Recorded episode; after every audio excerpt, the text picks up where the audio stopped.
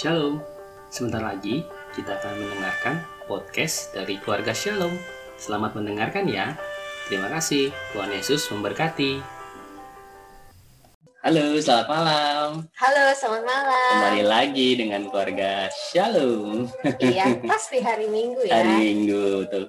Ta, minggu lalu ya, kita ngebahas tentang eh, bagaimana anak muda yang melayani. Iya. Nah, kita cari nih ah topik apa lagi ya minggu ini yang kira-kira eh, oke gitu ya, yang kira-kira menarik. Nah, hari ini tuh kita akan bahas tentang pendidikan. Iya, itu bisa dibilang eh, susah-susah gampang ya, karena em, anak itu kayak tanah liat, Mhm. harus dibentuk sedini mungkin sehingga dia eh, membentuk sebagai karakter yang baik sesuai dengan karakter Tuhan. Nah, pembentukannya itu juga nggak singkat loh. Betul, betul. tidak ha- sehari dua hari tetapi eh, berhari-hari terus eh, konsisten dan itu berdua Nah, nah itu harus selaras bapak dan ibu harus sama-sama eh, mendidik anak Nah, jangan sampai kadang-kadang tuh ada juga eh, anak yang lebih dekat ke bapaknya, Ya. lebih dekat ke ibunya, kayak gitu. Nah, kita sendiri udah ada satu anak nih, kita mengalami suka duka juga dalam eh, mendidik anak ya. Terutama banyak hal lah, ada tentang bagaimana anak-anak sekarang ketergantungan sama gadget, terus anak-anak juga karena masa pandemi ini jadi sulit sekali mereka bergaul dengan eh, orang luar gitu. Padahal pada saat umur-umur sekarang misalnya umur lima tahun sampai 10 tahun tuh penting kan bagaimana berkomunikasi dengan orang lain gitu. Ya. Nah, oleh karena itu kita itu kan selalu nih keluarga Shalom eh, mengundang lah ya, mengundang Mengundang. mengundang beberapa teman kita, beberapa eh, narasumber-narasumber kita yang kita rasa enak nih diajak ngobrol Hmm. tentang pendidikan lebih anak. expert lebih expert juga lebih berpengalaman berpengalaman betul sekali dibanding kita ya. Ya. Gitu. Nah, mudah-mudahan yang kita obrolin hari ini tuh bisa menjadi berkat, bisa menjadi inspirasi juga buat eh, teman-teman keluarga Kristen yang lainnya. Ya. Gitu. Oke, siapa nih tamu kita hari ini? jeng jeng jeng jeng jeng silakan mas Tamu kita kita eh, melakukan kita tuh setiap minggu itu ada yang namanya persekutuan keluarga lah ya. Nah, kita lihat ada salah satu teman kita eh, yang kita rasa wah seru nih kalau misalnya kita tanya tentang bagaimana pengalaman mereka dalam eh, mendidik anak. Iya, Nah, supaya kita belajar ya betul sekali.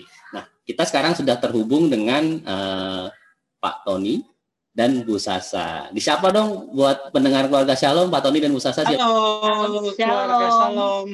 Ya. Selamat malam. Selamat malam. udah mau hadir di podcast keluarga Shalom. Tadi kita udah ngobrol eh, mau ngebahas tentang pendidikan anak. Nah, Ya. kita pengen denger nih ceritanya dari eh, Pak Tony dan Bu Sasa. Kalau boleh tahu putra putrinya udah berapa ya sekarang? Iya, mungkin bisa diceritakan Ceritakan dulu lah, ceritakan dulu putra putrinya ada berapa? eh, kisaran umurnya kisah umurnya gitu. Perkenalan lah, setelah kenalan kepada keluarga Shalom. Dipersilakan. Silakan. Oke. Eh, karena saya yang mengandung ke anak-anak ini, jadi saya mungkin akan ceritakan eh, kami mempunyai tiga orang anak. Yang pertama umur 20 udah mau masuk 22 tahun, nama Kevas dan yang kedua umur 20 tahun namanya Misael dan yang ketiga eh, seorang putri. Jauh sendiri umurnya baru mau masuk 10 tahun. Jaraknya cukup jauh dengan kakak-kakaknya. Karena ada nggak sih eh, Bu Sasa kesulitan Iya. dalam tantangan tantangan dalam mendidik anak karena kan lumayan jauh tuh be- bedanya gitu. Ya, memang justru kalau eh, waktu mengalami waktu masuk dalam masa em, kehamilan, anak ketiga memang eh, dibandingkan dengan anak yang dua laki-laki yang lebih dulu memang eh, pergumulannya memang beda. Secara mental karena saya sudah masuk usia 42 tahun waktu itu empat dan 40 tahun dan Tuhan masih mempercayakan satu orang anak perempuan kebetulan kedua kakaknya laki-laki jadi pas hamil dia secara psikis memang agak berpengaruh agak down cuma kembali lagi sebagai orang yang beriman kita mengakui kita menyadari bahwa apa pun yang kita miliki apa pun yang Tuhan percayakan kepada kita itu adalah berkat apalagi anak jadi dengan berjalannya waktu saya sangat bersuka cita apalagi dia seorang anak perempuan. Buat saya itu adalah pelengkap dalam kehidupan saya di mana sudah mempunyai dua anak laki-laki. Secara uh, apa fisik kita menerima itu memang agak berbeda dengan kakak-kakaknya. Tetapi sesudah itu sudah sukacita penuh dalam membimbing mendidik anak ini dan berjalannya waktu justru kakak-kakaknya itu menjadi bisa dibilang penolong bagi saya di dalam mengurus adik mereka ini karena kakak-kakaknya usianya udah terpaut jauh dan mereka sudah bisa untuk membimbing, menjaga, mendampingi adiknya ini yang agak jauh usianya dengan kakak-kakaknya itu. Saya tambahkan ya, tantangannya, tantangannya mendidik anak-anak ini, kalau yang dua anak laki-laki itu waktu kecilnya tidak terlalu besar tantangannya. Justru tantangannya itu lebih besar ketika mereka sudah sudah remaja, ya. Dari remaja udah banyak pengaruh, banyak teman, dan itu tantangan tersendiri bagi kami menghadapi uh, anak-anak. Uh, karena mereka tidak serta merta mendengar orang tua karena mereka lebih percaya kepada teman-teman mereka. Ya mereka lebih lebih apa ya lebih respect lebih ini kayak teman-teman mereka dibandingkan orang tuanya mereka sendiri. Jadi itu tantangan untuk puji Tuhan. Anak-anak kita ini kita uh, didik dalam Tuhan ya sehingga uh, di saat-saat kita lagi bersama membahas firman Tuhan kita bisa arahkan mereka jadi ya puji Tuhan dalam hubungan keluarga kita ada persekutuan gitu oh. ya dari jadi saat-saat itulah kita mengarahkan mereka karena kalau kita memberitahukan hal-hal yang umum itu mereka lebih banyak tahu. Mereka lebih banyak uh, apa lebih mendengarkan teman-teman mereka ketimbang kita orang tua. Tapi di saat kita mengarahkan melalui firman Tuhan ya mereka nggak punya dalih apa-apa untuk menghadapi itu. Karena firman Tuhan ini lebih tinggi dari semua yang, yang mereka ketahui di dunia ini. Jadi uh, puji Tuhannya itu kita uh, melibatkanlah mereka sejak kecil dalam hal-hal uh, rohani sehingga uh, walaupun mereka di luar sana punya banyak uh, pengaruh ya dengan level teman-teman mereka, tetapi di saat mereka diarahkan lewat firman Tuhan, mereka tidak bisa berkali banyak. Ya, ya itu itu aja uh, tantangannya menghadapi anak-anak di masa sekarang ini apalagi. Jadi tadi dari Pak cerita, jadi ruang komunikasi antara Pak Tony dengan anak itu melalui uh, persekutuan. persekutuan di keluarga yang membahas tentang firman Tuhan. Jadi itu jembatan buat sebuah keluarga untuk bagaimana bisa sharing, menjelaskan juga tentang apa sih yang Tuhan mau untuk anak-anak, apa sih yang Tuhan harapkan untuk anak-anak. Itu kan ya Pak Tony ya, ya kita. Ya. Oke, kalau gitu, uh, aku penasaran Pak, karena kan uh, remaja itu banyak dipengaruhi oleh lingkungan teman ya, uh, ketika ya. gaul. Ini ada perbedaan nggak ya uh, antara kita menerapkan atau menyekolahkan di sekolah negeri atau di sekolah eh, swasta yang berbasiskan uh, Kristen gitu. Karena kan uh, ini dua hal yang berbeda dan berpengaruh pada pergaulan juga. Ini menurut pengalaman Pak Tony dan Ibu Sasa seperti apa? Ya, ke, kami menyelok, menyekolahkan anak-anak ke, uh, kebenaran di uh, sekolah Katolik ya. Jadi uh, per, pertama pernah uh, kakaknya eh, siapa si Misael itu sekolah di negeri, tapi kemudian dia minta pindah ke hmm. sekolah Kristen. Dan uh, uh, jadi bagusnya karena di sekolah Kristen mereka ada persekutuan.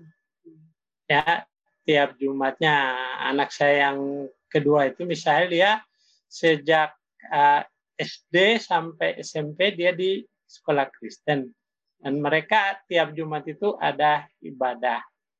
Nah, hmm. jadi itu bagusnya mereka bisa diarahkan lewat kegiatan-kegiatan rohani. Nah, hmm. kalau yang kefas ini dari SD sampai SMK di sekolah Katolik. Nah, mereka juga ada itu tiap ada ada misa-misa begitu kan. Jadi ya walaupun mungkin pendidikan agamanya agak beda ya, tapi tetap saja ada nilai-nilai Kristen yang diajarkan di sana. Hmm. Ya, ya. puji Tuhannya itu. Kalau enggak, kita bingung mungkin menghadapi mereka kalau mereka bergaul dengan anak-anak yang tidak punya pemahaman uh, kekristenan gitu. Nilai-nilai Kristennya enggak ada. Itu mungkin lebih repot lagi kita hadapi. Sedangkan begitu aja kita masih masih sulit hadapi mereka karena mereka lebih percaya kepada teman mereka daripada orang tua sendiri. Jadi masih mendengarkan uh, pengaruh teman mereka daripada kita orang tua. Tapi ada ada uh, ada ada hal juga sih yang bisa kita ambil seperti yang anak perempuan ini si Keke ini dia dari SD kita udah masukin ke negeri. Nah, di situ ada timbul uh, perbedaan kan cara didikan antara sekolah yang Kristen dan yang negeri. Nah, di situ saya langsung mengamati, mengam, sekalian mengawasi, mengamati. Saya khawatir dia kayak yang misalnya dulu waktu dia sekolah masuk sekolah uh, negeri, dia memang sempat keikut dengan teman-temannya yang beda agama dengan dia. Nah, akhirnya dengan kesadaran dia sendiri minta kalau bisa saya sekolah uh, apa yang uh, sekolah lain aja, jangan di situ. Karena dia memang anaknya lebih uh, apa ya kreatif, anaknya lebih berani. Jadi dia memang coba-coba ikut, dia ikut-ikut ke rumah, dia ikut gerakan-gerakan gaya mereka dan akhirnya kita pindahin. Dan setelah saya lihat anaknya yang anak yang ketiga ini, dia sekolah di negeri, tetapi mungkin karena kita sejak mereka sejak umur 1 2 tahun, kakak-kakaknya ini kita udah tiap pagi atau malam kita ada persekutuan keluarga, jadi di situ kita tanamkan kepada mereka. Jadi saya tidak khawatir dengan Keke yang sekarang lagi sekolah di sekolah negeri karena uh, dia bisa me, me, dia paham bahwa dia uh, pemahamannya dia tentang Tuhan Yesus Kristus ini. Tapi dia juga justru di situ berbaur dengan eh, anak-anak uh, yang uh, beda. Uh, beda agama, tetapi saya lihat dia uh, tahu menempatkan diri sebagai anak Tuhan. Dia tahu menempatkan diri walaupun dia masih kecil. Jadi dia tidak ada yang mau ngeledek teman atau mau membeda-bedakan teman, memilih teman yang seagama dengan dia tidak. Karena mungkin karena kita memang uh, sudah menanamkan kepada mereka bahwa sebagai anak Tuhan seperti apa lewat ibadah-ibadah kita. Dan puji Tuhan memang di sekolah negeri sekarang ada persekutuan juga setiap hari Jumat dan dia memang mengikuti juga ibadah seperti itu. Jadi itu bisa dibilang kita eksperimen untuk anak perempuan ini kalau kita masukkan ke sekolah negeri. Hasilnya seperti apa? Perbedaannya dengan kakak-kakaknya yang dari swasta dari SD itu seperti apa? Nanti kita lihat ke depan hasilnya seperti apa nanti. Tapi puji Tuhan sih tidak ada yang uh, menyimpang atau uh, ya hal-hal yang tidak kita ingini terjadi itu tidak ada. Ya, bahas tadi sama Pak Tony Sasa adalah bagaimana pentingnya uh, komunikasi dan persekutuan yang dibangun di keluarga yeah. ya. Dari situ akhirnya anak-anak itu punya kayak pegangan yang kuat dalam diri mereka ya, pegangan yang baik dalam diri mereka sehingga walaupun sekolah mereka pun uh, berhubungan ataupun berkomunikasi dengan teman-teman yang berbeda agama pun dengan uh, dengan Kristen mereka tidak masalah gitu. Jadi penting pentingnya sekali, penting banget iya. ya persekutuan keluarga itu. Pendidikan nah, pertama memang dari keluarga. keluarga betul. Nah, penasaran nah. aja, dan Pak Tony, sebenarnya kalau gaya ya, gaya mendidik uh, Pak Tony dan Bu Sasa sendiri dalam keluarga Pak Tony dan Bu Sasa itu apakah dengan cara otoriter atau dengan cara uh, mungkin kalau orang saya cerita nih kalau zaman dulu ya papa mama saya cerita itu kalau orang zaman dulu cara mendidik anak itu kan pukul pakai penggaris supaya anak itu nurut. Saya cuma mikir wah kalau sekarang itu diterapkan pada anak-anak sekarang. Wah kabur, kayaknya ya. kabur dia bisa ngapor lapor ke KPAI gitu. Makanya uh, podcast ini kita tanya sama uh, kalau Pak Todi dan Bu Sasa sendiri uh, pola atau gaya mendidik anaknya gimana sih? Gitu. Ya kalau kalau saya masih terpengaruh ya dengan gaya didikan orang tua kita dulu. Ya. karena mungkin karena kita secara psikologis kita dididik begitu keras ya. Uh, dan uh, kalau sekarang kan tidak boleh main tangan. Kalau dulu waduh salah sedikit rotan ya. Tangan gambar apa saja yang bisa disikat untuk anak itu disikat gitu ya nah dulu waktu kecil saya mas anak-anak masih kecil saya masih terpengaruh dengan gaya didikan itu ya. Cuman tidak sekeras orang tua kita dulu. Sekali-sekali masih rotan saya ya. Sekali-sekali saya masih hantam ya. Anak-anak khusus ya. Iya, saya siapkan rotan khusus, khusus memang untuk mereka. Karena pola didik saya uh, kita dulu juga begitu. Jadi uh, dan belajar Alkitab juga memang anak-anak itu sekali-sekali harus dirotani supaya mereka uh, tarik ulur lah. Ada saatnya kita harus gunakan rotan, ada saatnya tidak. Ya kan tergantung uh, bagaimana melihat situasinya. Ya, uh, tapi setelah anak besar ini kita udah nggak lagi ya, nggak lagi. Uh, keke juga, keke aja yang kecil kita sudah nggak nggak lagi main tangan seperti uh, Kefas dan Misael dulu kecil itu saya sering rotan itu. Karena anak. Nah, jadi polanya sudah agak beda sekarang. kalau saya nggak tahu kalau sejarah uh, Tuhan Yesus sendiri itu dia ngebahas anak-anak tentang uh, sewaktu uh, ada Tuhan Yesus sedang uh, berkhotbah waktu itu ada yang melarang anak-anak supaya tidak ikut uh, ambil bagian dalam itu Yesus bilang jangan melarang anak itu terus biarlah mereka datang uh, kepadaku. Nah, kalau dari uh, pengalaman Pak Tony dan Bu Sasa, ada nggak sih dari cerita di Alkitab ataupun dari kisah di Alkitab yang menjadi inspirasi dari Pak Tony dan Bu Sasa dalam mendidik anak gitu? Kalau mungkin Anda bisa di-sharing ke kami.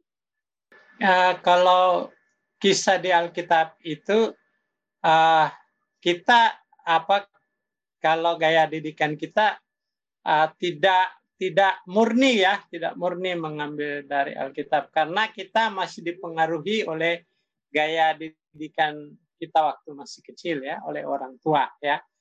Dalam hal tertentu ada, tapi dalam hal uh, keseharian itu apa biasanya kan kita spontan ya. Jadi kurang menggunakan uh, apa logika logika logika yang yang tertata yang kita pelajari jadi tambahan sedikit sebenarnya kalau kita orang tua mendidik anak-anak, saya berprinsip kepada eh, menurut pandangan papa mereka, Tony, bahwa selama mereka itu masih anak-anak, masih kita paksa, eh, kasarnya kita mau paksa bahwa kamu harus ke sini, memang sedikit otoriter. Tapi kita paksakan mereka ke hal-hal rohani. Tadinya mereka menolak tegas, tidak, kamu harus ikut. Mau kalian terima atau enggak sampai setahun mereka itu ikut pendidikan uh, uh, latihan ke uh, pemuritan dari LPPI punya. Walaupun mereka dengan kadang-kadang agak berat tapi mereka tetap jalani selama satu tahun pendidikan itu. Nah itu yang kita mau tanamkan bahwa selama mereka masih saya kasih pandangan ke mereka selama kalian masih dalam bimbingan orang tua tidak ada orang tua yang akan menyesatkan kalian atau membimbing kalian ke arah hal-hal yang tidak bagus jadi sekalipun itu terpaksa, kami harus paksa. Tidak, kamu harus ikut ke gereja atau kamu harus ikut ibadah ini, kamu harus ikut pendidikan rohani ini. Memang awal-awalnya mereka merasa uh, dipaksa, terbeban. Tetapi seiring jalannya waktu, mereka sangat menikmati. dan itu kami rasakan di dalam kehidupan mereka setelah mereka menanjak dewasa mereka itu tidak lagi gampang terpengaruhi dengan teman-teman mereka ada teman-teman mereka yang perokok.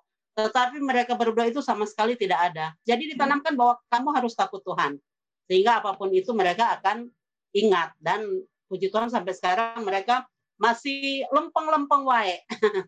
Itu aja. Pendidikan karakter itu memang awalnya kita harus keras, paksa ya. Nanti kalau itu jadi sudah terbiasa itu akan menjadi karakter buat mereka. Sesuatu yang kita, awalnya mungkin mereka tidak suka, tapi kita arahkan mereka ke situ, ah, lama-lama itu akan menjadi karakter. Memang susah loh mendidik karakter itu. Uh, itu karena mereka punya keinginan sendiri, orang tua punya keinginan sendiri, tapi selama kita arahkan kepada hal-hal yang baik, hal-hal yang benar, nah nanti itu akan menjadi uh, nilai buat mereka untuk ke depannya. Nah, tadi uh, aku menarik nih tadi karakter ya. Ini dan Busat, seorang anak itu muncul karena memang bawaan dia lahir uh, dari sifat dari genetik genetik dari ayah ibunya. Iya uh, karakter itu bisa dibentuk oleh uh, oleh sikap ataupun oleh contoh dari orang tua gitu. Menurut Pak Tony dan Bu Sasa gimana itu? Ya, memang kalau karakter ini kan sesuatu yang datang belakangan. Hmm. Beda dengan apa? Uh, kayak model genetik itu kalau genetik itu kan ya oh, dia dia tetap akan peng, kena pengaruh. Ya, dia akan kena pengaruh lingkungan, lingkungan teman atau lingkungan apa saja. Dia akan pasti akan berubah. Ya, tapi kemudian uh, peran orang tua untuk mengembalikan itu, ya, supaya anak ini jangan keluar dari uh, garis, ya. Mungkin uh, umpama seseorang punya kemampuan sesuatu, tapi kalau dia tidak diarahkan lagi untuk uh, supaya dia semakin baik, semakin baik dan semakin baik, ya akan sulit, dia akan terkikis dan hilang. Karena pengaruh lingkungan dan sebagainya.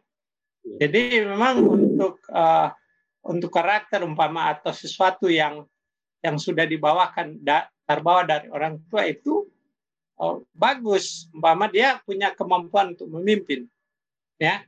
Tapi itu kalau tidak diteruskan dilatih lagi akan hilang dengan sendirinya. Ya jadi kalau orang tua tahu dia anak ini punya kemampuan apa itu harus diarahkan terus diarahkan terus sampai dia lebih baik dan lebih baik. Sayang kalau kita tahu dia punya potensi lalu kita nggak arahkan itu sehingga itu akan menjadi sesuatu yang bernilai bagi dia dan itu akan menjadi uh, sesuatu yang unggul ke depannya. Gitu. Mungkin kalau dari genetik, kalau saya lihat di anak-anak kami, kalau Misael itu bisa dibilang genetiknya bawaan dari bapaknya yang hobi musik dan menyanyi. Dia tidak pernah uh, mengikuti pendidikan secara formal untuk alat-alat musik, tetapi karena genetik dari orang Ambon yang hobi menyanyi, kuasai alat-alat musik, dia itu ada menguasai beberapa alat musik yang itu dia peroleh secara otodidak. Nah, itu genetik. Tetapi di, uh, di saat dia umur-umur uh, memasuki anak-anak ke remaja, uh, dia punya keinginan-keinginan yang seolah-olah dia melawan dari uh, apa sebenarnya dia dia kami menyadari bahwa dia punya kelebihan ini. Nah, kalau kami tidak mengarahkan itu, mungkin dia tidak akan menjadi piawai seperti sekarang dia main keyboard, main gitar, main bass, alat-alat musik lain. Nah, kebetulan itu kami cepat e, mengambil keputusan untuk coba arahkan dia. Dan dia memang memang anaknya e, aktif sekali dan kami coba salurkan ke musik dan e, puji Tuhan sekarang dia alat-alat musik yang beberapa macam alat musik yang dia kuasai sekarang itu dia kuasai secara otodidak dan karena keinginan karena kita yang mendorong dia kebetulan dia punya genetik turunan dari bapaknya ada, kalau kita nggak push ke dia untuk melakukan uh, lebih menggali lagi apa yang dia miliki, mungkin dia tidak akan uh, bisa melakukan hal yang dia bisa lakukan sekarang seperti menguasai beberapa alat musik. Jadi saya rasa pengaruh orang tua juga itu memang penting untuk mengarahkan anak ini. Karena anak kan belum bisa mengarahkan kemauannya dia, pasti kemauannya dia waktu itu umur-umur anak-anak hobinya main bola, ke sana kemarin main game. Mungkin itu, tapi karena kita itu pokoknya tiap jam begini kasihlah ke dia gitar, kasihlah ke dia alat musik apa. Tony ajak dia ke studio, dia pergi main musik band, anak ini dibawa. Akhirnya di situ dia mulai terlatih. Jadi kita berusaha untuk daripada kamu pergi main ke hal-hal bergaul dengan anak-anak bukan berarti tidak baik, baik juga supaya itu sosialisasinya dia. Tapi ada waktu-waktu di mana papanya bawa dia alat musik. Tapi beda, ya dari dua anak ini yang tua memang tidak ada. Sekalipun secara genetik berarti dia mungkin nggak ambil genetik dari bapaknya yang hobi musik. Jadi dia ikut ke saya yang nggak menguasai alat musik. Jadi anaknya beda lagi hobinya. Nah itu jadi cara kita orang tua untuk mampu mengarahkan anak ini kita harus jeli melihat uh, kelebihan-kelebihan dari anak-anak itu baru kita coba arahkan gitu aja. Nah, kalau yang si kecil kita arahkan dia ke suara. Iya. Karena dia dia nggak tertarik untuk alat musik. Jadi karena dia menyanyinya tidak pas, bagus ya kita arahkan saya latih dia untuk didisiplinkan uh, latihan nyanyi. Kalau dia nggak tertarik alat musik, ya dia masih bisa bernyanyi, ya itu yang kita arahkan. Dan dia mau. Bakat itu anak itu mungkin ada, tapi tugasnya orang tua itu mengarahkan ya, yeah. menstimulasi mereka supaya terus terasa dan akhirnya berkembang gitu. Itu juga penting ya, menarik sih. Iya. Hmm. Uh, ada pertanyaan nih Bu Sasa dan Pak Tony. Sebenarnya kan tanggung jawab kita sebagai orang tua adalah membentuk si anak, karakter anak supaya nantinya mereka mandiri dan bisa survive, ya kan? Eh, padahal di zaman sekarang itu kan banyak yang hmm, bapak dan ibunya bekerja atau misalnya bapak dan ibunya sibuk sehingga peranan itu diserahkan oleh misalnya asisten rumah tangga, terus cara penanganan itu diserahkan oleh uh, asisten rumah tangga ataupun suster. Jadi uh, lebih banyak uh, diberikan itu kayak misalkan gadget lah supaya anak nangis atau misalkan karena rasa bersalahnya orang tua uh, sibuk bekerja, mereka membelikan hadiah-hadiah realistis gitu. Sehingga si anak itu menganggap bahwa uh, apa uh, mudah sekali untuk mendapatkan sesuatu. Sehingga karakter si anak itu terbentuk sampai ke dewasa bahwa tanggung jawab aku sebagai manusia itu mudah loh gitu dalam mencari uang itu mudah loh nah itu bagaimana pengalaman uh, Pak Tony dan Bu Sasa membentuk karakter supaya menjadi anak yang mandiri dalam uh, misalnya nanti dia akan mencari uang atau dalam bekerja sehingga dia tidak bergantung pada orang lain. Kalau uh, kami kebetulan kalau saya pribadi kebetulan ini anak-anak ini dengan keadaan kami yang memang terbatas kami juga harus uh, memberi pengertian kepada mereka. Oke, okay, untuk kebutuhan-kebutuhan yang penting jadi Tony memang udah ajarkan mereka tanamkan ke mereka hal-hal yang penting mana yang harus prioritas itu. Kalau mereka memang banyak anak-anak seusia mereka yang mah minta uang jajan ini ini begini begini kita batasi. Boleh tapi segini. Kadang-kadang mereka protes kok kurang teman saya ini begini lebih begini begini kita kasih pengertian kamu cuma orang tua mampu seperti itu dan memang didikan itu memang penting jadi mereka kalau hari libur kebetulan saya punya adik di sekitar sini dulu jadi kami memang sengaja mengajar mereka kamu mau dapat uang lebih uang jajan lebih kamu harus pergi ke sini. Jadi mereka diajak liburan ke rumah adik saya, disuruh pel. Padahal di rumah adik saya ada pembantu. Ayo, kalau ngepel, tante kasih uang sekian, tapi ditabung. Dan alhasil, Kevas pertama kali beli punya HP itu dia kelas 1 SMP kalau tidak salah. Dan hasil itu dia beli HP itu dari uang yang dia kumpul sendiri, walaupun ditambah oleh tantenya. Tapi ada imbalan, cuci mobil tante, nanti kamu dibayar. Jadi kita mau menanamkan mereka bahwa apa yang kamu ingini harus kamu usahakan. Jadi kita tidak mau, walaupun mereka waktu itu mau beli HP, beli ini. Boleh, papa akan tambah sedikit-sedikit asal kamu harus nabung. Caranya bagaimana kamu memperoleh uang bukan dari hasil orang tua, tapi mereka pergi ke tante, eh, ke kakak adik saya, mereka melakukan hal bahkan mereka yang menawarkan diri. E, Mapem, ada nggak yang kita mau kerjain? Daripada Mapem itu masih umur mereka kelas 1 SMP dan kelas 6 SD. Kelas 5 SD lah mereka begitu.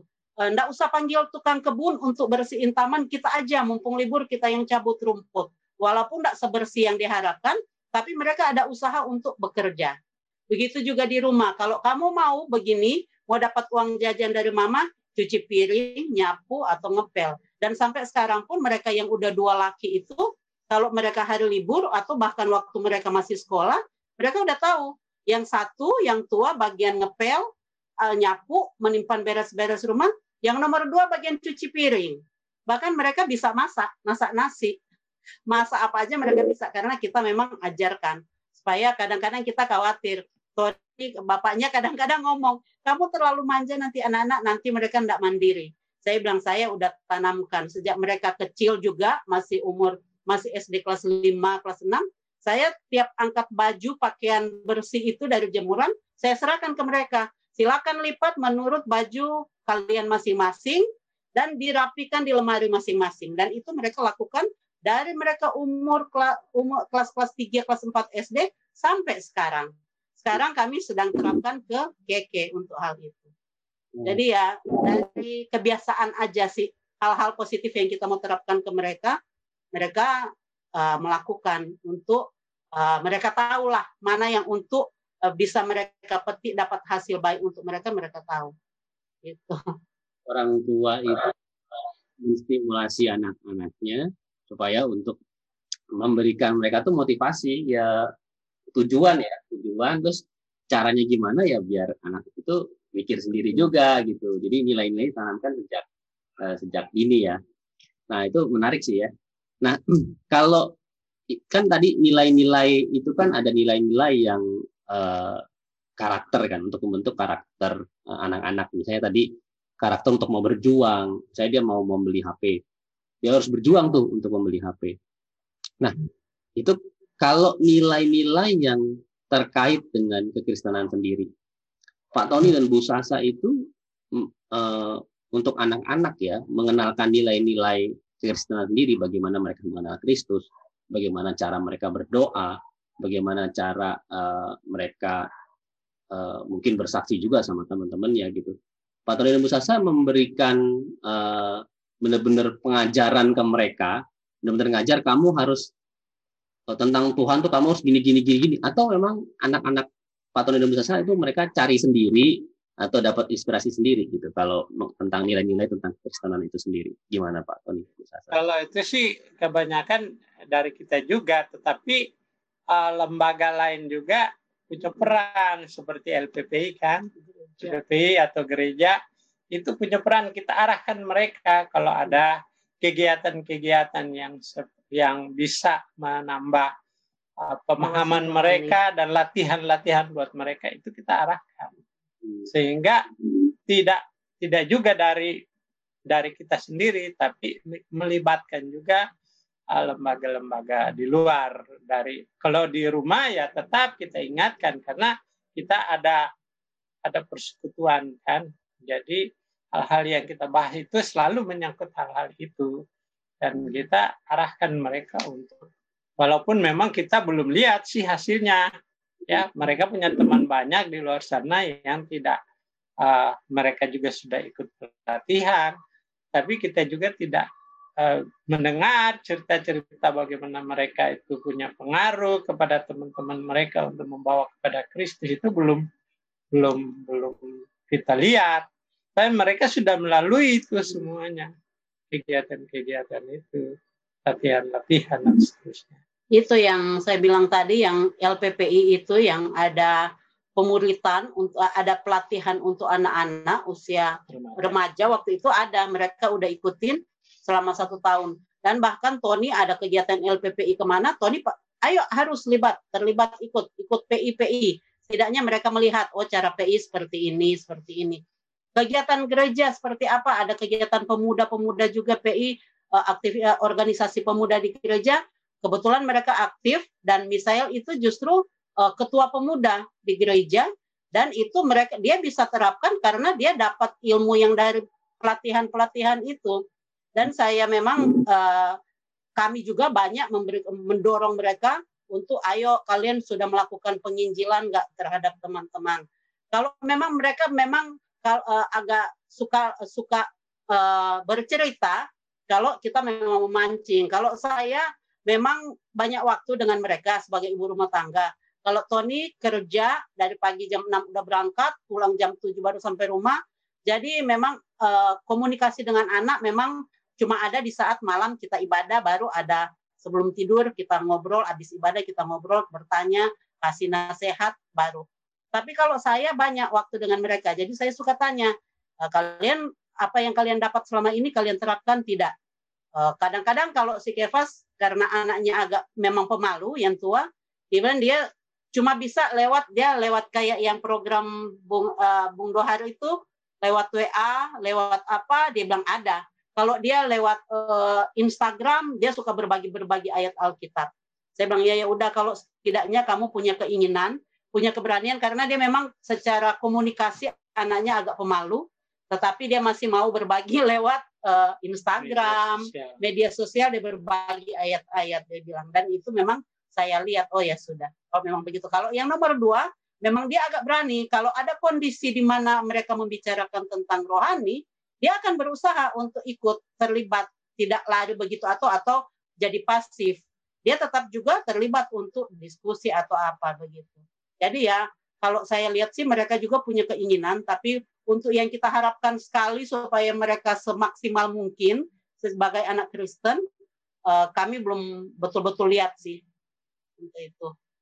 Jadi apa ya terlihat ya pengaruh uh, pentingnya persekutuan di keluarga, pentingnya mereka anak-anak juga ikut dalam persekutuan di komunitas mereka, di lingkungan mereka itu benar-benar membentuk karakter supaya jadi jauh lebih baik ya gitu ya.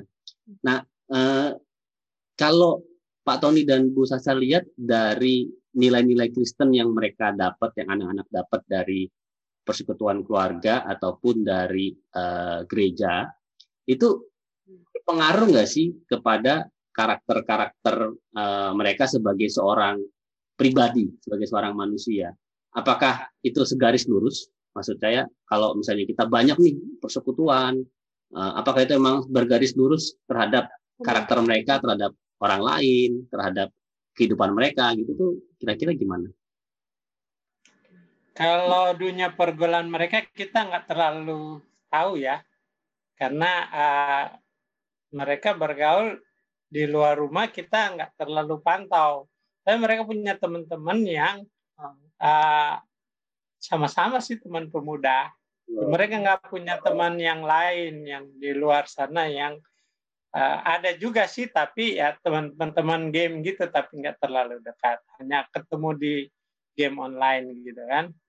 Nah, jadi uh, kalau kita tahu teman-teman mereka, ya sama sih mereka semua ya. Jadi nggak ada hal-hal yang mengkhawatirkan buat kita ya karena uh, teman-teman mereka ya itu teman-teman gereja juga yang kita kenal, yang kita tahu bagaimana track record mereka. Jadi ya kita nggak tahu kalau di luar sana mereka punya teman-teman lain, apakah mereka punya pengaruh yang si, sejauh ini sih kita lihat mereka ya masih punya hmm. nilai-nilai Kristen yang bagus dalam pergaulan mereka. Oke, ada nggak sih tipsnya buat uh, buat kami nih kalau orang ataupun buat muda. orang tua muda ataupun buat uh, pendengar podcast kami yang memang anak-anaknya masih kecil-kecil gitu ya, ataupun uh, ya masih awal-awal lah mereka balita. balita ataupun keluarga yang oh iya ya penting nih uh, pendidikan anak-anak tentang nilai-nilai Kristen sejak awal. Ada nggak sih tipsnya dari uh, Pak Tony dan Bu Sasa uh, tentang uh, kal mengenalkan nilai-nilai Kristen ke anak-anak sejak awal? Ya penting banget sih, itu penting ya hmm. karena mereka justru di masa awal inilah yang harus kita tanamkan nilai-nilai Kristennya. Caranya kita harus libatkan mereka dalam aktivitas-aktivitas yang berbau rohani. rohani. Jadi umpama kayak ada sum anak-anak ya kita harus libatkan mereka kita arahkan mereka situ. Terus kalau ada kegiatan kita berhubungan rohani, jangan jangan dia jauh dari kita. Justru dia harus ada bersama-sama dengan kita. Dia akan lihat contohnya dari kita. Kalau kita suruh dia pergi, kita ada kegiatan rohani, kita titip dia ke mana-mana. Dia nggak tahu kita punya aktivitas dan dia mungkin di sana di, diajar lain juga kalau dia ada di sekitar kita, dia lihat apa yang kita lakukan, itu akan terbawa nanti ke ke dia sendiri. Kita nggak perlu ajar, dia lihat saja kita apa aktivitas rohani kita, dengan sendirinya dia akan punya keinginan yang sama dengan kita. Kalau dari saya sih tipsnya uh, memang seharus sejak dini diajarkan.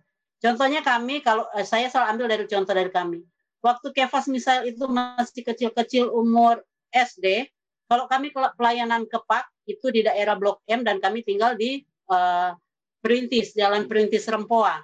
Itu ibadah Pak itu malam-malam dan kami harus membawa mereka berdua di motor. Jadi satu motor berempat. Dan Tony pun harus pelayanan ke BSD, kami tetap bawa mereka, tetap bawa mereka ke kegiatan-kegiatan. Walaupun di rumah sebenarnya ada keponakannya Tony dari Ambon tinggal dengan kami, kami tidak tinggal ke mereka, kami bawa. Kami bawa. Nah, mereka lihat. Dan itu di PAK itu memang cuma mereka berdua yang anak kecil yang selalu hadir di PAK. Dan itu berjalan waktu, mereka jadi lihat cara berdoa seperti apa.